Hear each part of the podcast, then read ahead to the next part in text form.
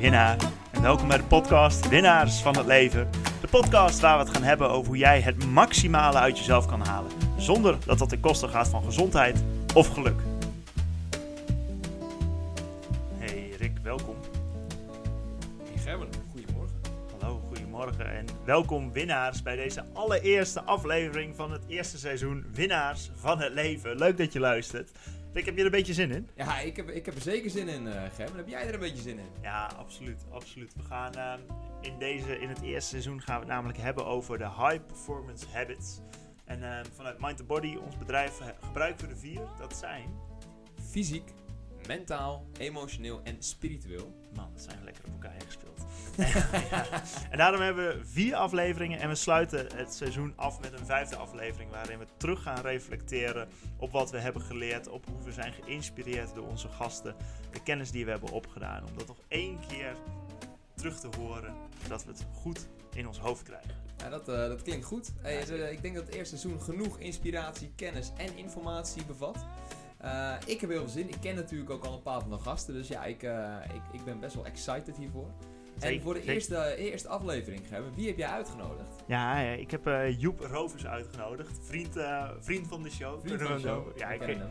Ik ken Joep, eh, ik denk inmiddels twee, drie jaartjes. En Joep is voor mij echt een inspiratiebron, want hij is practice what you preach. Joep is orthomoleculair specialist, weet alles van voeding tot echt de kleinste microstofjes. Maar niet alleen dat, hij weet ook veel van ademhaling, slaap. En hij is oprichter van het bedrijf Werkatleet, wat hij samen met eh, Jeroen Bouwman heeft opgezet. En die gasten, als het gaat over het lichaam, weten zij alles. En Joep gaat daar vandaag veel over vertellen. En heeft hij pas ook gedaan in een TEDx Talk. Dus grote jongen zou ik hem eh, inmiddels noemen. Ja, dat zijn eh, grote woorden. Dat zijn mooie woorden. Ja, zeker. Dus ben je benieuwd hoe eh, jij het maximale kunt halen uit je beweging, slaap, ademhaling, maar met name over voeding? Blijf dan lekker luisteren. En dan gaan we beginnen met de allereerste podcast van. Winnaars van het leven. Hey, veel luisterplezier. Hey, goedemorgen Joep Rovers. Goedemorgen. Hey, hoe is het? Ja, goed. Heel mooi, heel mooi. Hey, welkom bij eh, de podcast Winnaars van het Leven, dames en heren. We hebben vandaag in de uitzending Joep Rovers. Eh, laten we beginnen met eh, een hele goede vriend van me. En Joep is geboren en getogen in het eh, Sint-Michel-Gestel, vlak onder Den Bosch. Afgestudeerd aan de Hoge Hotelschool in Maastricht. En daarna kort in de corporate wereld gewerkt. Maar kwam er al vrij snel achter dat hij daar niet gelukkig van zou worden. En eh, is zijn passies gaan najagen. En dat zijn onder andere sport, voeding en het lichaam. Nou, op het moment ben je woonachtig, Joep, in Den. Samen met jouw eh, fantastische vriendin Isabel en jullie hond Olly. En eh, het grootste deel van je leven besteed je aan, aan het opbouwen van je bedrijf, werkatleet, samen met Jeroen Bouwman, jouw compagnon. En ben je mensen aan het coachen met jouw kennis als orthomoleculair voedingsexpert. Gewoon in één keer goed gezegd. In één keer goed. Complimenten. Joep, als jij, eh, als jij dit hoort, ben jij dan een winnaar van het leven? Ehm, ik denk wel dat ik een ehm, winnaar van het leven aan het worden ben. Ik denk dat ik eh, absoluut nog heel veel te leren heb over het leven. Maar ik denk wel dat ik eh, stap voor stap dat ik ehm, steeds beter begrijp wat ik hier doe op deze aardbol. Ehm, Een beetje wat mijn, mijn doel is hier en wat ik zelf heel graag wil. Ehm, en ben ik wel goed bezig om mijn, eh, mijn eigen leven van een ja, winnaar te voorzien. En hoe, hoe ziet het volgens jou uit als jij aan het winnen bent? Of als jij de winnaar bent? Ehm, nou, ik, als je mij vraagt wat een winnaar... Winnaar kan natuurlijk heel veel verschillende dingen zijn. Maar ik denk voor mijzelf is een winnaar zijn dat ik het idee heb dat ik elke dag wakker word eh, en zin heb in de dag. Gewoon oprecht, gewoon wakker worden en denken, ja, Fuck yeah, let's go! ik heb zin om aan de slag te gaan. Ik heb eh, zin om eh, met mijn, mijn drive en hetgene wat ik het liefste doe, om daarmee aan de slag te gaan. Ehm, en het grootste gedeelte van de tijd ja, voel ik me gewoon lekker. Zit ik goed in mijn sas, kan ik doen wat ik leuk vind. En natuurlijk heb ik ook wel eens gewoon klote dagen erbij zitten. Ik denk dat dat, eh, dat ook absoluut hoort bij een winnaarsmentaliteit. Eh, je moet ook downs hebben om weer omhoog te kunnen klimmen. Eh, maar het grootste deel van de tijd heb ik gewoon zin, zin in het leven. En, en, waar kijk je dan op een dag naar uit? Ehm, het zijn heel veel verschillende dingen eigenlijk. Ja, ik ben benieuwd, ik ben Ja. benieuwd. Um, een van de dingen waar ik heel erg naar uitkijk is... S ochtends uh, als allereerste mediteren. Dus eigenlijk als ik wakker word, uh, dan pak ik als eerste een koude douche. En daarna begin ik meteen met de meditatie. Dus eerst uh, douchen, dan de meditatie. Ja, dus eerst een koude douche. Dus ik geef mezelf eerst een prikkel. Ja, inmiddels moet ik zeggen dat de koude douche niet meer echt een prikkel is. Uh, ook vanmorgen niet? Want ik deed vanmorgen, toen dacht ik, hey, het begint hier goed koud te worden. Ja, ik, ik weet niet. Ik, had het, ik heb het een paar weken geleden had ik dat wel eventjes dat moment. Maar nu uh, weer gewend, denk ik, of zo. Dus het voelt gewoon, weer, uh, voelt gewoon weer lekker eigenlijk. Ik wil zelf ja. lekker wassen onder het koude water. En dan uh, ga ik zitten en dan, uh, dat is echt een moment dat ik denk, wow. Let's go. Dat is echt fijn. Heel veel lekker in mezelf. Niemand die, uh, niemand die daarbij is, niemand die daarbij kan. En dan uh, kan ik eventjes lekker alles rustig voor mezelf settelen wat ik wil. Um, kan ik wat intenties zetten voor mezelf. En dan, ja, dan sta ik gewoon mijn dag met 2 voor. Ja, dat is, dus je hebt en gedoucht en gemediteerd dan. Ja. Lekker, lekker. Ja, dat is, uh, dat is, dat is een mooi begin van je dag, Joep. Hey, ik had net even een korte introductie. Uh, Eén vraag, ben ik daar iets in vergeten waarvan jij denkt, dit moeten mensen echt even over mij weten? Hmm. Dit moeten mensen over mij weten. Nou, ik heb een hele grote passie voor muziek. Ik denk dat dat uh, muziek ook wel echt een groot onderdeel is van mijn, uh, van mijn winnaars slash uh, vitaal leven. Um, ik heb vroeger toen ik jong was een aantal jaar pianoles gehad, piano gespeeld. Heb ik heel lang uit het oog verloren, totdat ik een jaar geleden ineens dacht, ik wil gewoon weer iets met muziek. Ik heb de hele tijd de, de drang, het gevoel dat ik daar iets mee moet. Dus wat ik heb gedaan, ik heb gewoon een piano gekocht. En uh, ik heb weer les genomen. En uh, nou merk ik weer hoe belangrijk muziek uh, is in mijn leven. Dat ik ook weer verder ben gaan zoeken naar andere instrumenten. Wil ik weer wat nieuwe dingen proberen. En wat dat gewoon doet met je gemoedstoestand, dat is gewoon bizar. Jij maakt natuurlijk zelf muziek. Dus voor ja. degenen die dit luisteren, Gerben is ook een topmuzikant. We gaan straks een band beginnen. Ja, we kunnen gewoon straks een band gaan beginnen. Maar ik denk ja, dat, dat uh, muziek echt ook wel echt een heel belangrijk onderdeel is van mijn leven. Oké. Okay. Naast uh, goed met je lichaam bezig zijn, ook nog muzikaal dus. Ja. Zie je jezelf als muzikaal? Ik zie mezelf wel als muzikaal. Ik durf wel uh, te zeggen dat ik een oor heb voor muziek. Dus ik kan ook geen noten lezen, maar ik kan wel piano spelen. Ja, ja lekker. Mooi. Uh, ja, helaas gaan we daar verder niet uh, heel veel op in. Dat zou, dat zou mooi voor volgend seizoen misschien zijn. Van hobby's uh, van, van mensen die het leven aan het winnen zijn. maar we gaan het vandaag voornamelijk hebben over, ja, over fysiek. Want um, nou ja, jullie met werkatleet, jullie maken... Wat zeggen jullie? Jullie maken medewerkers tot atleten? Of atleten van medewerkers? We veranderen werknemers in atleten. Jullie veranderen werknemers in atleet. Moet iedereen dan volgens jullie een atleet worden? Um, niet iedereen hoeft per se een atleet te worden. Maar ik denk wel dat iedereen iets kan leren van een atleet mindset. Um, en dat wil zeggen, als je kijkt naar een atleet. Ik geef vaak Cristiano Ronaldo als voorbeeld. Cristiano Ronaldo, mhm. voetbalplayer, uh, Manchester United. Als ik naar hem kijk, dan zie ik gewoon een op- en top atleet. Hij doet alles goed. Juiste mindset. Is gefocust. Eet de juiste voeding. Uh, neemt voldoende rust. Slaapt veel. Uh, doet eigenlijk van alles om ervoor te kunnen zorgen dat hij Champions League kan spelen. Mm-hmm. Wat je tegenwoordig ziet. Wij leven in een uh, prestatiemaatschappij. Er wordt heel veel van ons verwacht. We moeten presteren, presteren, presteren. Presteer je niet, dan vlieg je eruit. Heb je geen baan meer, heb je geen geld. Geen geld, geen inkomen, geen huis, geen eten. Dat is hoe dat wij... Uh, Vrij ongelukkig misschien wel jammer genoeg leven. Uh, ergens vind ik het ook iets moois hebben. Dat je dus, als je heel ambitieus bent, dat je ook veel kan bereiken. En ik mhm. denk als jij een beetje op, misschien zelfs op kleine uh, manieren kijkt naar wat een atleet doet. Dus uh, bijvoorbeeld atleten drinken voornamelijk water. Nou, als je voornamelijk veel water drinkt, wat dat kan doen met je lijf. en dan eigenlijk op alle gebieden. Ja, dan denk ik dat iedereen wel veel van kan leren van een atleet mindset. En, en wat is dan het, het doel er uiteindelijk achter? Voor jou meer presteren of wat, wat zit daarachter? Um, ja, het grootste deel wat wij doen is natuurlijk gericht op werknemers. Um, en ik denk dat een, een werknemer, um, als je wil presteren, uh, dat je dan deze tools wel echt goed kunt gebruiken om beter te worden in hetgene wat je doet. Kijk, als je de ambitie niet hebt om omhoog te klimmen, om eigenlijk geen eh, carrière te maken. Zelfs dan kan eh, een aantal dingen die een atleet bijvoorbeeld doet, kan je wel helpen op andere facetten van het leven. Dus ik noem net als voorbeeld water drinken. Kijk, als mhm. jij beter wil worden in je werk, dan heb je dat misschien niet per se nodig. Nou, ik denk het natuurlijk wel voor veel mensen dat ze meer water moeten drinken. Maar stel dat je geen ambitie hebt en je gaat wel in één keer veel meer water drinken dan wat je eerst niet deed, dan denk ik wel dat je in één keer gelukkiger kan worden, omdat de andere processen in je lichaam goed kan werken. Ja, dat er eigenlijk meer gelukshormonen ruimte krijgen dan, of minder stress in je lichaam. Nou, minder stress in je lichaam, zeker. En ja, water. Kijk, ons lichaam bestaat voor 60, 70 procent uit water. Dat is gemiddeld. Nou, we gebruiken water voor 99,9 procent van de processen. 90 procent van de Nederlanders drinkt te weinig water. Ik denk dat daar al behoorlijke ruimte voor verbetering zit, zeg maar.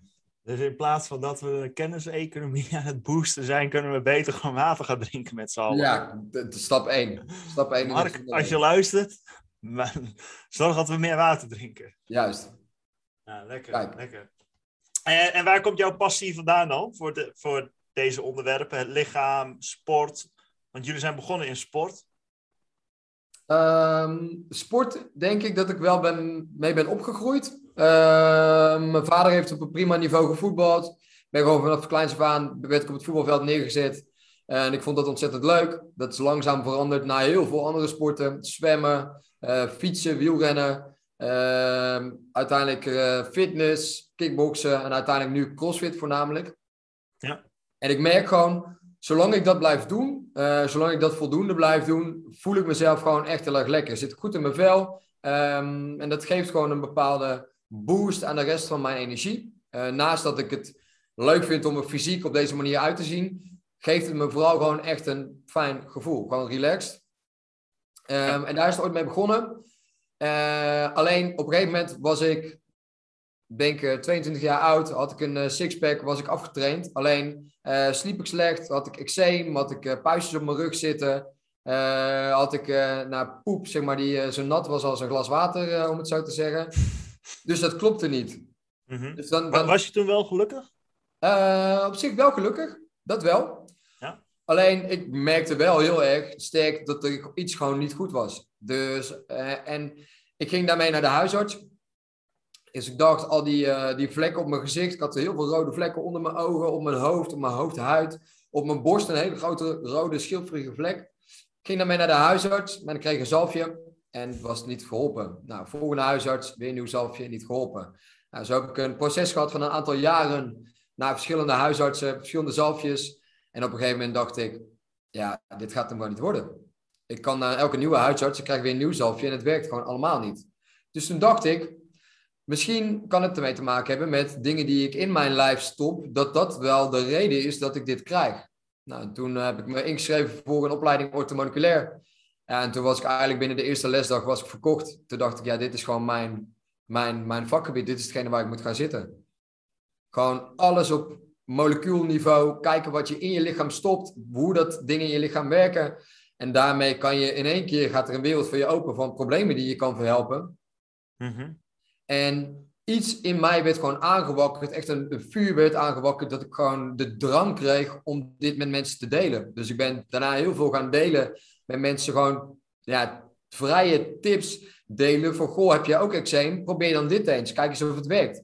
Ja, en daarmee uh, ja, voel ik gewoon dat, dat dat wel echt mijn, uh, een beetje mijn, mijn, misschien wel een soort van mijn purpose is hier uh, om mensen daarover te leren. En zelf ook veel te blijven leren.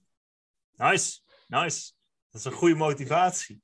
En, en wat nou het, want je hebt dan zelf die vlekken op je lichaam. Wat is nou hetgene waarvan jij zegt, oké, dat stopte ik in mijn lichaam en dat zorgde echt voor veel shit bij mezelf? Ja, heb je even? ja, kom maar door. um, dit is wel leuk. Er zijn heel veel mensen die uh, dit vaak vragen: van welke fouten heb je eigenlijk zelf gemaakt? Ik heb heel lang um, bepaalde voedingsmiddelen, en dat is voor mij persoonlijk, voor mij persoonlijk onderschat, wat de kracht daarvan is op je lichaam eigenlijk. En dat zijn er, in mijn geval zijn het er twee. En dat is koemelk en dat zijn gluten. Um, ja, koemelk is de melk van een koe. Uh, waar dat ze producten van maken zoals ja, melk, kaas, uh, yoghurt, et cetera. En gluten is een uh, groep eiwitten die je voornamelijk terugvindt in tarwe, in gerst en in spelt.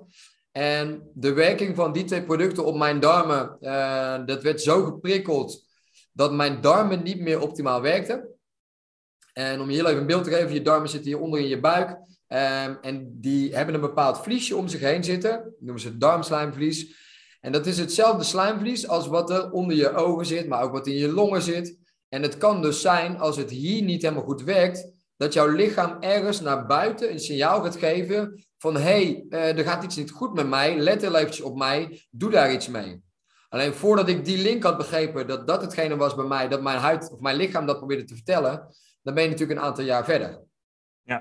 Um, en die twee producten, als ik die zo min mogelijk eet, dan is dat voor mij uh, ja, echt gewoon bijna magisch. Dan, uh, dan, dan ziet alles in één keer op en top uit.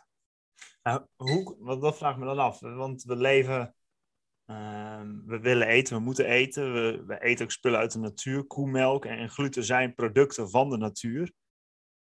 Ehm, hoe kan het dan dat, dat best, ja, ik zie je een beetje hoofdschuddend knikken, dus misschien zit ik hiernaast. Hè? Ik, is niet mijn kennisgebied, maar hoe kan het dan zijn dat zoveel mensen hier last van hebben en dat we het toch eten? Um, geld. Ik denk dat dat het uh, vervelende, maar wel about the money. het juiste antwoord is. is kijk, koemelkproducten en ook uh, gluten, tarwe, gerst, spelt, aten wij eigenlijk nergens in de geschiedenis van de mensheid hebben wij dat gegeten. Het zijn producten uit de natuur, maar het zijn geen producten die natuurlijke evolutie hebben meegemaakt.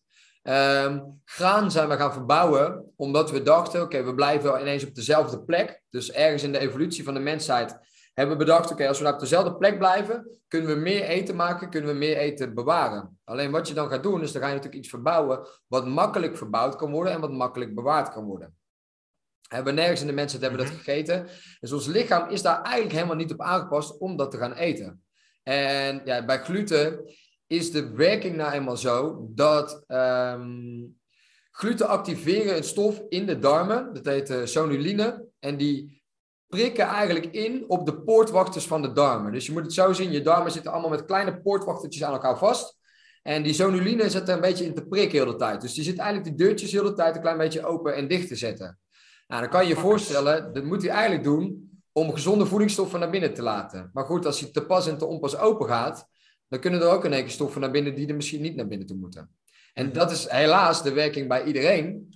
Alleen, tarwe is een supergoedkoop product. Dus voor een producent van een voedingsproduct wil je natuurlijk zo goedkoop mogelijk maken en zo duur mogelijk verkopen. En het liefste nog met veel smaak en het liefste nog iets wat, waar mensen naar drang naar blijven krijgen. Nou, kijk, alle producten uh, waar gluten in zitten, die zijn inmiddels zo genormaliseerd, uh, zijn goedkoop. Dus brood is goedkoop, is een goedkoop product om, om te halen. Daar kan je makkelijk mee ontbijten, makkelijk mee lunchen. Er zit veel smaak aan. Er zitten zelfs een aantal stoffen in die het een beetje verslavend maken.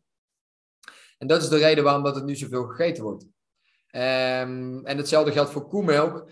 Ja, er is ooit een, uh, en, de, kijk, koemelk, de industrie is een miljardenindustrie. En ja, er wordt natuurlijk heel veel geld tegenaan gegooid om reclame te maken, om te laten zien dat het gezond is. En er zitten ook echt wel een aantal stoffen in, in melk die gezond zijn. Kijk, een, uh, een babykoe, die krijgt natuurlijk melk van de mamakoe om daarmee te groeien. Hetzelfde als dat wij als baby's krijgen wij melk van onze moeder om te groeien. Er zit heel veel voedingsstof in. Alleen, het, eigenlijk, ja, ik zeg het eigenlijk al, melk van een koe is voedingsstof voor een babykoe. Hetzelfde als dat wij als baby dat we melk van onze moeder krijgen. Ja, en ik geloof niet dat dat goed is om dat als volwassen persoon te drinken. Ik denk niet dat je daar jezelf veel goeds mee doet. Dan kan ik heel diep technisch op ingaan. Uh, maar ik denk dat voor veel mensen dat dit het meest wel al begrijpelijk maakt. Ja, dat als uh, het voor een baby is, dat het misschien wat minder is voor een volwassene. Ja, nou ja, ik heb zelf een tijdje op een boerderij in Nieuw-Zeeland gewerkt, een melkboerderij. En, en want dat is, dat is best wel vet, want het staat dan echt bij de natuur, gewoon het begin. Uh, dat, dat, uh, in Nederland, als je niet op een boerderij werkt, kom je daar gewoon niet zo heel snel, denk ik. En toen verbaasde me dat inderdaad, dat ik toen besefte van, wacht even, dit, dit geven we koeien om te groeien. Ja. En koeien zijn relatief sneller groter dan dat wij zijn. Ja. Uh, en die hebben veel meer dingen nodig dan dat wij nodig hebben, volgens mij. Ja. Maar dat, dat, dat zul jij beter weten. Dus ik, ik heb me daar wel eens eerder over verbaasd, ja. Ja, ja en dat zijn twee, twee hele kleine aanpassingen waar ik bij veel mensen ehm, die bij mij komen, dat ik dat wel ga schrappen in het eetpatroon.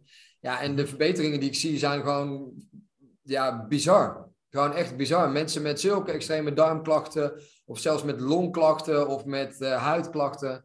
Eh, dat zijn vaak wel stapjes, als ik dat veel zie terugkomen in het eetpatroon, dat ik die weghaal. En dat er dan in één keer een wereld van verbetering optreedt. Vet. vet. Ja. En, en, en even voor mezelf, geitenkaas kan dat dan wel? Want ik hou echt van kaas. Ehm, er zit een beetje een nuance in. Ehm, kijk, uiteindelijk geitenkaas wordt ook gemaakt van geitenmelk. En ook geitenmelk is eigenlijk voor een babygeit. Ja. Alleen ik denk wel dat de samenstelling van geitenkaas, dat daar vaak meer stoffen in zitten waar je iets mee kan. En het is ook niet dat je producten nooit kan eten. Kijk, ik ben helemaal niet anti eh, producten. Ik ben eigenlijk voor alle producten, alleen wel op een bepaalde manier. Dus ik zeg ook nooit tegen mensen dat je nooit meer gluten mag eten. Op het moment dat je dat zegt, dan eh, rent iedereen gillend weg, zeg maar. Maar als je wel gaat kijken, oké, hoe kan ik het minimaliseren? Dus ook geitenkaas, hoe kan ik dat minimaliseren? Eh, en gewoon af en toe eten. Dan geloof ik dat heel veel producten voor mensen wel, wel goed kunnen zijn. Eh, mits dat de basis natuurlijk goed is. En de basis zijn groenten. De basis zijn in mijn ogen eh, heel veel biologische groenten en fruit. Noten, pitten, zaden, water en aanvullen met veel vet en veel goede eiwitten. En dat kan zowel plantaardig als dierlijk zijn. Duidelijk. duidelijk. Ja. Hey, ik hoor wel dat ja, voeding is jouw ding. dat, dat wisten we. Maar ook sport en nou slaap is voornamelijk van jouw, ehm, van jouw compagnon Jeroen ehm, zijn ding. Maar als je kijkt naar het, het- ons fysieke gestelte, hè, je wil winnen in het leven. Wat, wat zie jij dan als, ik weet niet, is er een belangrijkste aspect wat jij denkt? Oh, Oké, maar daar, dat, dat moet gewoon als allereerste worden aangepakt. Eh, voor de fysieke gesteldheid? Ja, dus om je fysiek goed te voelen, om ja, met je lichaam te kunnen winnen. Ehm, ik denk twee dingen. Ademhaling en de juiste voedingsstoffen. Dus ik denk voor alles wat jij wil doen. ehm, dus gaan we heel diep de materie even in. Jouw lichaam is opgebouwd uit miljarden cellen. Dan kan je je niet voorstellen hoeveel dat, dat zijn. Echt honderden, miljoenen, miljarden cellen. En die cellen die werken eigenlijk op een aantal verschillende dingen. Dat zijn op voedingsstoffen, op zuurstof en dan nog op een aantal andere stoffen. En die twee dingen, als je daar zo goed mogelijk op kan werken, als die uitwisseling zo goed mogelijk kan zijn, dan kan jij je lichaam gaan optimaliseren. Dus als je stoffen je lichaam inbrengt waar dat jouw lichaam iets mee kan, in plaats van dat je heel veel stoffen naar binnen brengt waar dat je lichaam bijvoorbeeld niks mee kan. Ik noem heel eventjes eh, bijvoorbeeld een, een snoepje. Dat is heel erg lekker, maar daar kan je lichaam eigenlijk helemaal niks mee. Daar gebruikt hij eigenlijk niks van als bouwstof of als hulpstof. Ehm, als je daarmee begint en als je zoveel mogelijk door je neus ademt, ja, dan heb je twee facetten die gewoon eh, ieder mens kunnen gaan verbeteren. En, en waarom neusademen? Ehm, wij, eigenlijk moet je van nature door je neus ademen. Dus in je eh, neus zit zeg maar een eh, soort van filtersysteem. Die de lucht die binnenkomt meteen filtert en zuivert. Er zit natuurlijk, zeker in de tijd waar wij in leven, heel veel eh, gifstoffen in de lucht. Dus we hebben natuurlijk heel veel fabrieken overal. We rijden met auto's, afvalstoffen van, van productie. Nou, die komen natuurlijk allemaal in de lucht. Door je neus wordt een groot deel daarvan wordt gezuiverd. En is het zo dat we door onze neus precies de juiste hoeveelheid zuurstof inademen. En daar hoef je eigenlijk zelf niks voor te doen. Dus je ademt de juiste hoeveelheid in en je ademt de juiste hoeveelheid eh, ja, koolzuurgas of koolstofdioxide adem je weer uit. En die balans moet precies goed zijn. En als je altijd door je mond inademt, dan krijg je veel te veel zuurstof binnen en dan kan dat proces niet meer goed werken. Daarnaast is ook eh, mondademhaling is een teken van je lichaam om zich klaar te maken voor de actiestand.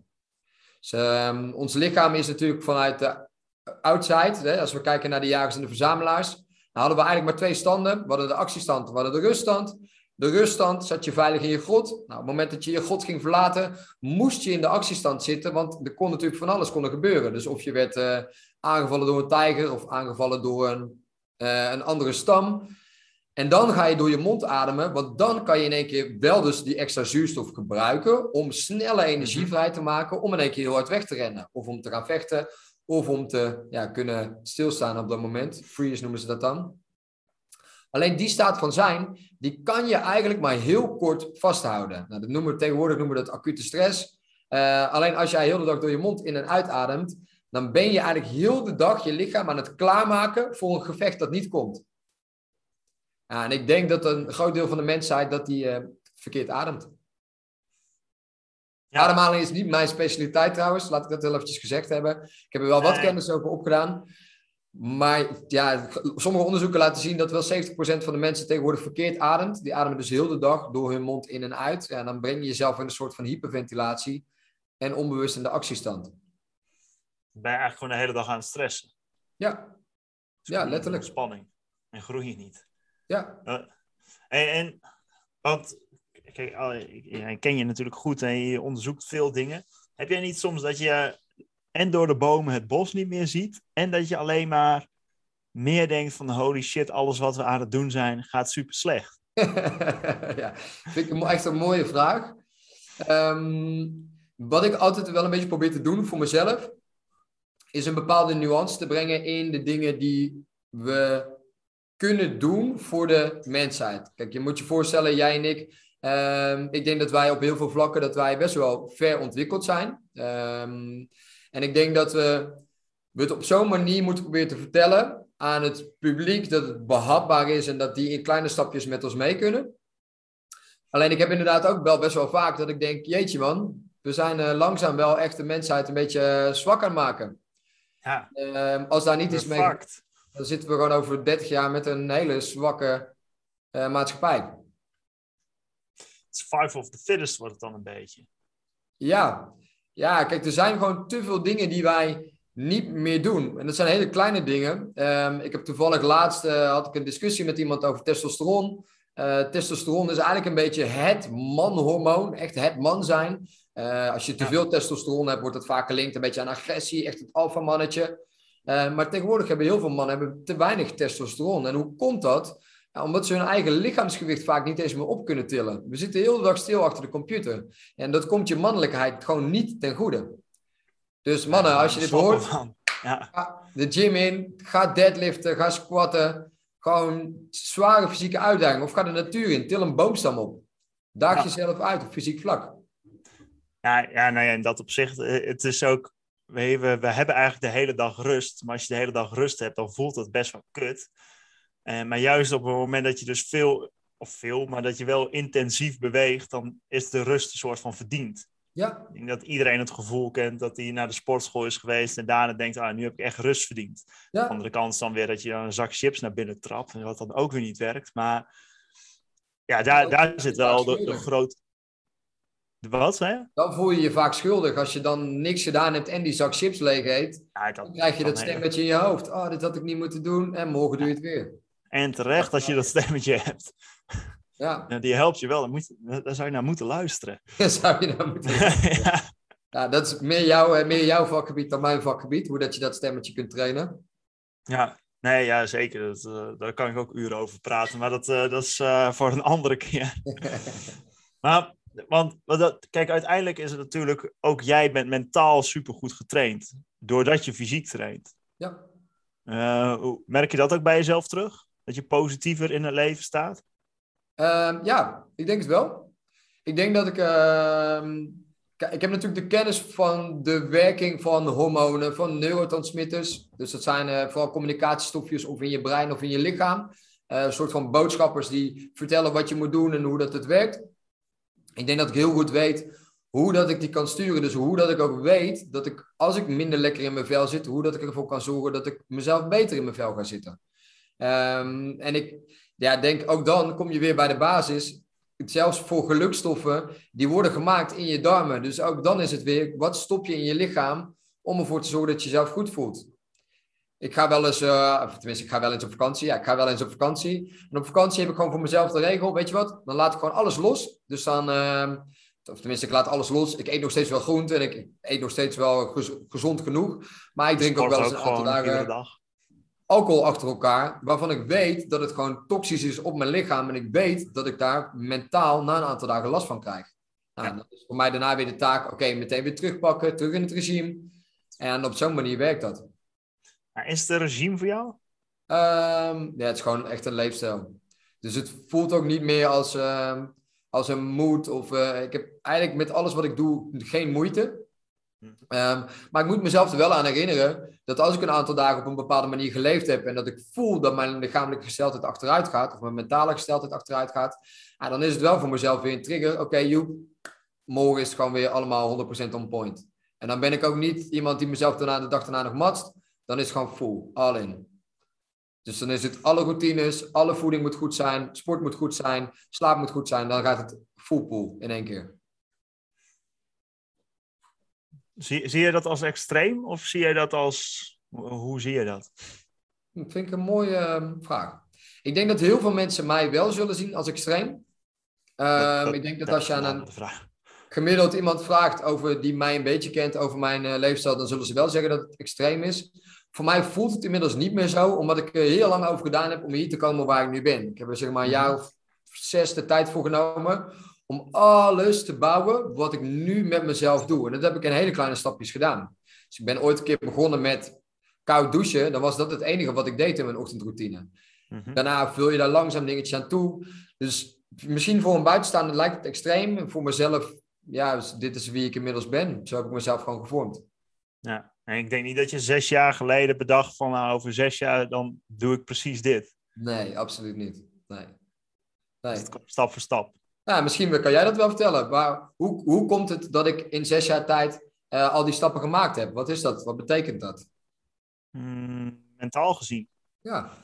Nou, kijk, er is op een gegeven moment een punt geweest in jouw leven. En dus waarschijnlijk dat, dat acne, uh, of was het acne of vlekken in je eczeem, uh, waarin de pijn voor jou, dus het pijn van het hebben van die eczeem, te groot werd ten opzichte van het plezier wat het gaf van koemelk of, of wat dan ook. Maar dat moest bij jou weg.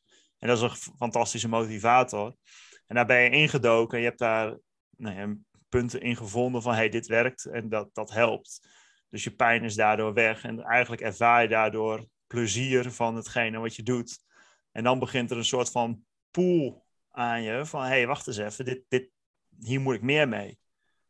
En dat, dat trekt dan steeds harder en harder aan je. Waar je dus eerst best wel effort hebt moeten stoppen in iets vinden. En, en moeite hebt moeten doen om bepaalde gewoontes weg te halen. Ga je op een gegeven moment het plezier ervan ervaren. En dan word je er naartoe getrokken. En dan ga je steeds meer erin duiken. En dan komt er weer wat bij. En dan weer wat bij. En dan weer wat bij. Ja. En je zal vast af en toe terugvallen. af en toe een weekje of twee weken. Dat je wat onbewuster ermee bezig bent. En dan komt er misschien weer een licht, lichte vorm van dat pijntje boven. En, en is het dan even het regime aantrekken, want dat is dan nodig. Ja. Dus dan is het eigenlijk weer wat, wat ik dan push noem. Uh, het weggaan van de pijn om weer te ervaren van, oh ja, wacht even, hierom was het chill. Ja. ja. Dat, is een, dat is een beetje als je het van het mindset uh, perspectief bekijkt. Ja, ik denk dat dat een mooie, mooie is. Ik denk wel wat het mooie is wat je zegt, um, een stukje pijn herkennen ik denk dat ik dat nu bij heel veel mensen, dat, dat, dat die pijn, dat duurt te lang. We zijn te snel tevreden met dingen die er gebeuren. En dat bedoel ik niet lullig voor mensen die dit luisteren. Alleen we zijn gewend geraakt aan een mindere standaard dan dat het ooit geweest is. Qua fitheid, qua vitaliteit, qua energie, qua uh, manier van werken, qua alles eigenlijk. We zijn gewoon ja. gewend geraakt aan minder. En ik denk dat um, als dat een beetje terug, een terugslag zou krijgen, van als je gewoon, als je een pijnprikkel krijgt, je lichaam probeert je iets te vertellen, dan moet je mee aan de slag. Mhm. En ja, dan voor mij was het uiteindelijk achteraf de keuze dat ik zelf ging zoeken naar een alternatieve manier. Dus ik wilde de westerse geneeskunde echt niet afkraken. Ze doen veel fantastische dingen. Maar voor mij was dat gewoon niet de juiste plek. Ik had daar niet naartoe gemoeten eigenlijk. Alleen het is helaas in onze maatschappij is dat de eerste plek waar dat je naartoe gaat als je pijn hebt. Ja. En dan pijn kan ook jeuk zijn of, of iets anders. Ja, dat bedoel ik. Pijn kan jeuk zijn, kan uh, huiduitslag zijn, kan... Uh, als je elke dag tien keer op het toilet zit of je moet een extra schone onderbroek meenemen naar je werk, dan is er gewoon iets niet goed. Ook dat is pijn. Ja, gewoon iets wat je irritant vindt alleen al. Ja. Dat. En, ehm, shit, dan had ik hier nou net een vraag over. Oh ja, zie jij het dan ook als een... Nee, want je zegt eigenlijk... Oh, Siri gaat aan. Eh, zie jij het dan ook... ehm, want je zegt van, hey, we, we gaan als maatschappij zijn we eigenlijk eraan gewend geraakt om een lage standaard te hebben. Om als voorbeeld te fungeren om de standaard te verhogen. Ja, ja, absoluut. Ja, voor de volle 100%. Het enige probleem is, is dat ehm, de, de, een aantal instanties die hierbij zouden moeten helpen, die helpen niet echt. Ehm, dan heb je een voorbeeld. Een voorbeeld vind ik een, eh, een voedingscentrum. Die geeft een bepaald voedingsadvies. Nou, ik heb hier al vaker een beetje tegenaan geschopt, om het zo te zeggen. Ja. Omdat het gewoon een advies is. Als mensen in de praktijk zie je gewoon dat heel veel dingen misgaan. Dus in 1970 werd eh, de schijf van vijf volgens mij bedacht, of misschien zelfs al eerder. En in die tijd is het advies hetzelfde gebleven. Terwijl in die tijd zijn we van nou, tussen de 25 en 30 procent overgewicht naar meer dan 50 procent overgewicht gegaan. Dan is dat advies niet goed. Dus Het werkt in ieder geval niet. Nee. het werkt niet. Dus waar dat, dat veranderd moet worden, nou, misschien zijn dat zeg maar, instituten die be- moeten beginnen, die hebben heel veel bereik. Oké, we moeten misschien accepteren na 50 jaar, het heeft niet gewerkt, de standaard is eh, slecht geworden. Nou, we moeten de standaard moeten we wat hoger brengen. Eh, we moeten gaan belonen dat mensen werken aan fitheid en gezondheid, in plaats van dat we eh, ziek zijn, dat dat de, de standaard is. Want het is tegenwoordig normaal om ziek te zijn. Het is normaal om medicijnen te gebruiken. Het is niet normaal. Nergens in de mensheid is dat normaal geweest. Waarom is dat nu wel? Ik merk ook aan mezelf dat, ik hier een beetje een vuurtje voor mezelf mee Ja, aanwakker. ja. Ik, ik zou het gewoon fantastisch vinden als dat gewoon teruggedraaid kan worden. De normale standaard is een fit, fysieke man, vrouw. Ehm, dat, of tenminste het geslacht waar diegene zich fijn bij voelt. Ook daar heb ik wel een mening over, maar dat is een andere discussie. Man en vrouw, fysiek, vandaag. fysiek sterk. ehm, en gewoon in staat om voor zichzelf te zorgen. En ook voor nakomelingen te zorgen. Die eh, daarna ook voor zichzelf kunnen zorgen. En niet met neervallen. Met stress en burn-outs en ziekte en eh, huidklachten en eh, breinklachten. De, de Alzheimer, dementie. Ja, het zijn gewoon eh, westerse ontwikkelde ziektes. Ja, het klinkt een beetje, en eigenlijk misschien vind ik het hier wel, maar af en toe zijn we gewoon een beetje mietjes geworden met z'n allen.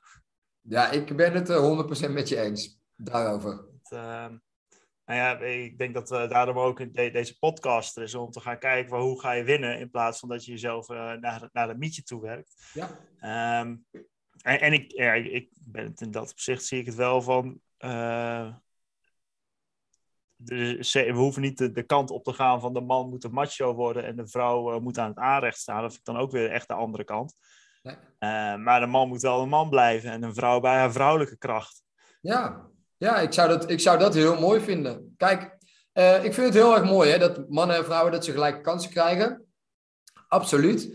Alleen, het is tegenwoordig bijna zo dat als je als vrouw geen carrière wil maken, dus als je als vrouw gewoon thuis wil blijven voor de kinderen wil zorgen, en de man die wil gewoon hard werken en die wil voor zijn gezin zorgen, dan is dat bijna raar, of dan is dat bijna slecht.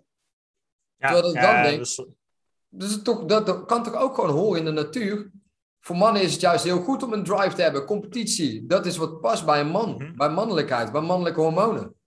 En voor een vrouw past gewoon zorgzaam zijn, dat past bij vrouw zijn.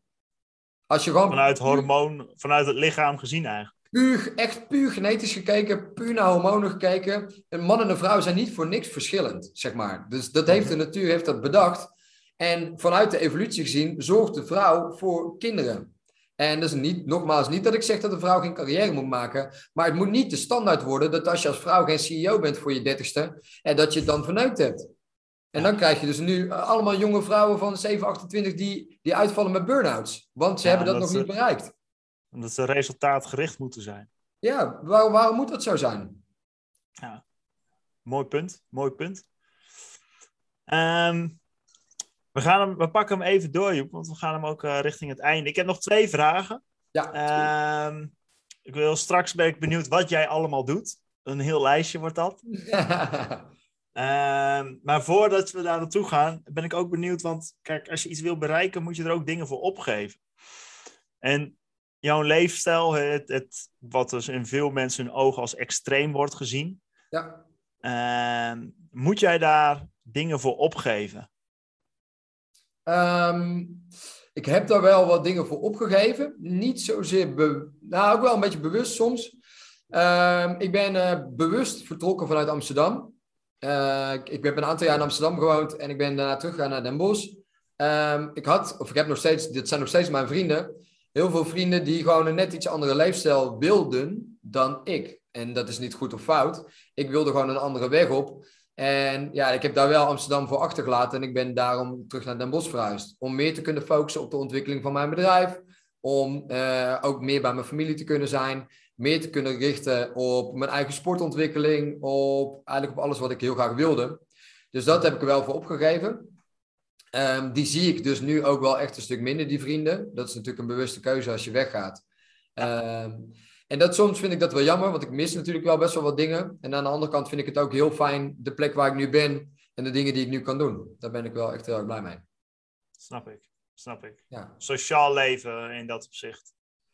Ja, ik, ik kan soms wel uh, een beetje een kluizenaar zijn. En ik, daar kan ik ook heel erg van genieten. Dus ik heb uh, soms als ik een weekend, uh, zeg maar, mijn vriendin die gaat nog heel vaak naar Amsterdam. Die heeft ook heel veel vriendinnen in Amsterdam wonen.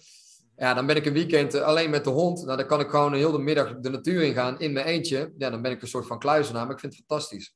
Kan ik mezelf helemaal opladen, kan ik mezelf helemaal vinden. En dat vind ik heerlijk. En dan, ja, voor sommige dingen, dan geef je, dan, ja, dan geef je wel iets op. Alleen voor mij voelt dat gewoon nu goed. Top. Dus wel uh, blijven luisteren naar jezelf in dat opzicht.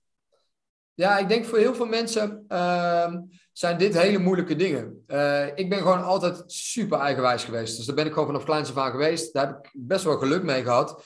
Ik mm -hmm. koos gewoon altijd voor mezelf. En als ik iets niet met iemand niet heb, nou, I don't care. Dan uh, pas jij niet in mijn leven. Ja, sorry. En pas je wel in mijn leven, kunnen wij het goed met elkaar vinden, dan ben je ook zeg maar mijn beste vriend. Want dan hou ik ook alles zeg maar dicht bij me. Dan doe ik ook graag veel dingen voor je. Maar zo niet, ja. dan niet. En, Kleine cirkel, maar een hele hechte. Ja, ik heb uh, op zich wel een hele hechte, vaste groep om mij heen gebouwd. En uh, dat vind ik gewoon heel erg fijn.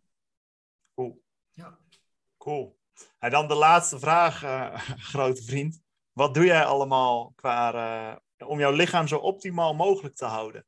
Oei, oei, oei. je hoeft niet de hele dieet te vertellen, want dan zijn we morgen nog bezig. nee, ik heb een aantal hele belangrijke dingen. Dus mijn ochtendroutine is echt heilig. Dus echt elke dag. Echt, echt, echt elke dag. Er zit geen uitzondering tussen. Is een Ook koude douche. dagen? Ik heb geen, uh, geen uh, ik heb elke dag gewoon een koude douche. Ook al ben ik uh, op vakantie geweest, heb ik zelfs daar gewoon elke dag koude douche. Dat moet er gewoon in. Ehm, meditatie zit daar altijd in. Er zit altijd een moment in om te lezen. Um, ik uh, vind lezen gewoon een van de fijnste manieren om kennis te vergaren. Uh, dus gewoon een, het lezen van een boek. Um, wandelen met de hond zit daar altijd in in de ochtendroutine. Um, en gewoon rustig opstarten zonder dat andere mensen iets van mij willen. En dat betekent dan vaak het eerste uur is de anderhalf uur geen schermen. En dat is wel dus echt... Wel, iedere ochtend? Dat is echt iedere ochtend. Ja, dat is ook in weekenden. Dat is gewoon uh, een beetje een heiligdom. Daar zit Behalve de koude douche, want daar zit nooit een uitzondering. Bij de rest zit wel eens een uitzondering. Dus ik kan ook wel eens, als uh, iets heel erg in mijn hoofd zit, dat ik dat met iemand moet delen. Uh, dan gebeurt dat wel eens. Maar dat is echt, echt op uitzonderingsbasis. Um, eten. Ik eet uh, drie maaltijden per dag. Heel soms dat daar een vierde eetmoment bij zit. Um, ik drink maar een aantal momenten per dag heel veel. Dat is ook wel heiligdom. En ik denk dat dat ook voor heel veel mensen heel goed zou zijn. Um, en, en, dan bedoel je dat je in één keer heel veel drinkt en daarna niet meer? Ja, dus s ochtends vroeg uh, meteen twee, drie glazen water achterover tikken. Uh, dan lang wachten met eten, want veel water drinken verdunt je maagzuur. Dus dan kan je maag niet meer optimaal werken. Um, en dat dan een aantal keer per dag te doen. Dus in plaats van dat je heel de dag kleine slokjes aan het drinken bent, dus heel de dag je spijsvertering aan, het, uh, aan de gang aan het houden bent, doe je dat een aantal keer. Twee, drie glazen water op, achterover. En dan wacht je weer een moment met eten. Ja maar atten. Ja. ja, oh. gewoon echt achterover gooien. En um, hoe... Kijk, als jij heel de dag kleine slokjes drinkt, dan heb je ook niet het dorstige gevoel, zeg maar. Dus dan ben je en heel de dag energie aan het verbruiken, wat niet per se nodig is. En als jij een aantal momenten wat meer drinkt, dan heb je ook gewoon meer dorst. Dan heb je ook meer behoefte om in één keer meer te drinken. En dat scheelt gewoon energie voor je lijf. Het is gewoon makkelijker voor je lichaam om dat er doorheen te krijgen. Kijk, alles wat jij je lichaam instopt, zorgt voor mini-ontstekingjes. En dan moet je lichaam gewoon hard aan werken om dat te repareren. Geldt voor water drinken, geldt voor elk hapje eten dat je naar binnen brengt. Uh, dus daarom dat zo min mogelijk. En mijn avondroutine is ook heilig. Dat betekent twee uur voor het slapen gaan, geen schermen. Vaak is dat wel langer. Um, trek altijd de wifi eruit voordat ik ga slapen. Vaak yin yoga in de avond. Uh, en altijd nog een lange wandeling met de hond. Dus gewoon avondlicht zien voordat je gaat slapen. Heerlijk. En hoeveel uur slaap je? Um, ik lig meestal om tien uur in bed. En meestal word ik rond een uurtje of zes ochtends wakker. Lekker. Er zit niet per se, ja, ik zet geen wekker, dus er zit, soms is het kwart voor zes, vanochtend was het kwart voor zes, uh, morgen is het kwart over zes. dat is eigenlijk altijd goed. Chill man, chill. Ja. Oké, dan gaan we hem afsluiten, Joep. Dus wat zou je de, alle winnaars die deze podcast luisteren mee willen geven van ga dit doen? Eén ding. Ja, dat is wel mooi. Dit heb ik van jou geleerd. dus dat is wel leuk. Uh, ga hem terugkrijgen. Die is maar eigenlijk het meeste bijgebleven, is werk altijd aan small goals. Gewoon hele kleine stapjes. Kijk, je kunt nu uh, uh, naar mij luisteren of je gaat kijken op de Instagram-kanalen van mij en Gerben. Als je dat allemaal in één keer wil doen, dat werkt gewoon niet. Ons brein werkt niet zo. Je hebt gewoon hele kleine doelen nodig. En als je dat dan haalt en je voelt dat dat fijn is, dan ga je op zoek naar het volgende. En dat kan bijvoorbeeld zijn, misschien denk je nu, oké, dat water drinken, dat ga ik ook doen. Nou, dan begin je daarmee en dan kijk je na een paar weken wat het je gebracht heeft. Werkt het niet voor jou? Nou, dan probeer je toch iets anders. En uh, zo met kleine stapjes uh, echt een winnaarsmentaliteit krijgen. Lekker man. Dus small goals en als het niet werkt, gewoon weer wat anders doen. Ja, absoluut. En die heb ik uh, voor jou gestolen, dus dat is mooi. Heel goed, heel goed. We ja. moeten blijven stelen. Hey Joep, heel erg bedankt. Dit, ehm, ja, ik vind het altijd fantastisch om met je samen te praten en te luisteren naar je. Want voor mij denk ik wel, als iemand mij inspireert over hard werken en, en met routines bezig zijn en met zichzelf bezig zijn, dan ben jij het. Dus um, voor mij altijd een genot om te luisteren. En ik hoop ook dat, uh, dat de mensen hier veel uit halen. Ik heb er weer veel uit geleerd. En ik zie jou uh, vast snel weer. Ja. En uh, ik hoop dat je een heel goed weekend hebt. Ja, echt, likewise. Like, het is altijd leuk om, om samen met jou in gesprek te mogen over dit soort thema's. Um, en ik zou gewoon tegen de luisteraars zeggen: blijf gewoon lekker de verhalen van Gerben uh, volgen. Er zullen vast wel meer mooie winnaars komen. En wij zien elkaar uh, snel en geniet van jouw weekend. Zo, Rick. Zo.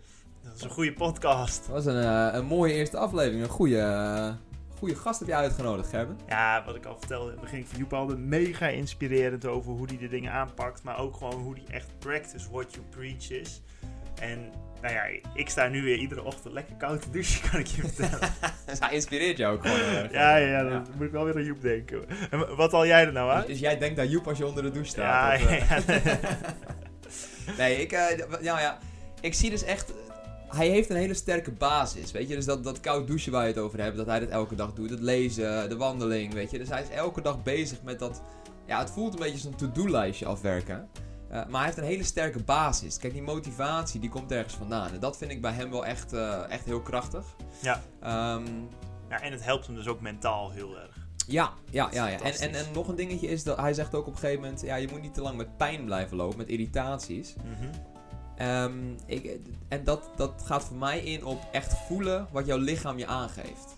Ja, ja zeker, zeker. En ik denk ook dat je daar we, we, accepteren dat vaak wel vrij snel. Maar dat we, daar niet, dat we dat juist niet moeten accepteren. Ja, nee, er zit, er zit iets onder. Exact. En daar gelijk mee aan de gang. Ja. Dus uh, nou ja, mocht je nou ergens last van hebben, laat het weten aan Joep. Die helpt je van de pijn af. hey, maar superleuk allemaal dat jullie hebben geluisterd naar de allereerste aflevering van Winnaars van het Leven. Ik wil jullie ook heel erg bedanken voor het luisteren. Uh, vond je het vet? Laat even een like achter. Of hoe je ons kunt raten. Daar komen we vast nog wel achter. Uh, maar we horen graag wat jullie ervan vonden. En de volgende aflevering, die komt volgende week online, is met Roel Bosman. En dan gaan we het hebben over de mentale pijler. Nou, Roel is niet iemand die dit verkondigt aan mensen of traint. Maar Roel is een horeca-ondernemer. Maar wel met een ijzersterke mindset ups en downs heeft gehad. En daar gaat hij ons alles over vertellen. Dus dat tot volgende week. Ja, tot de volgende keer. Namaste, Namaste motherfuckers.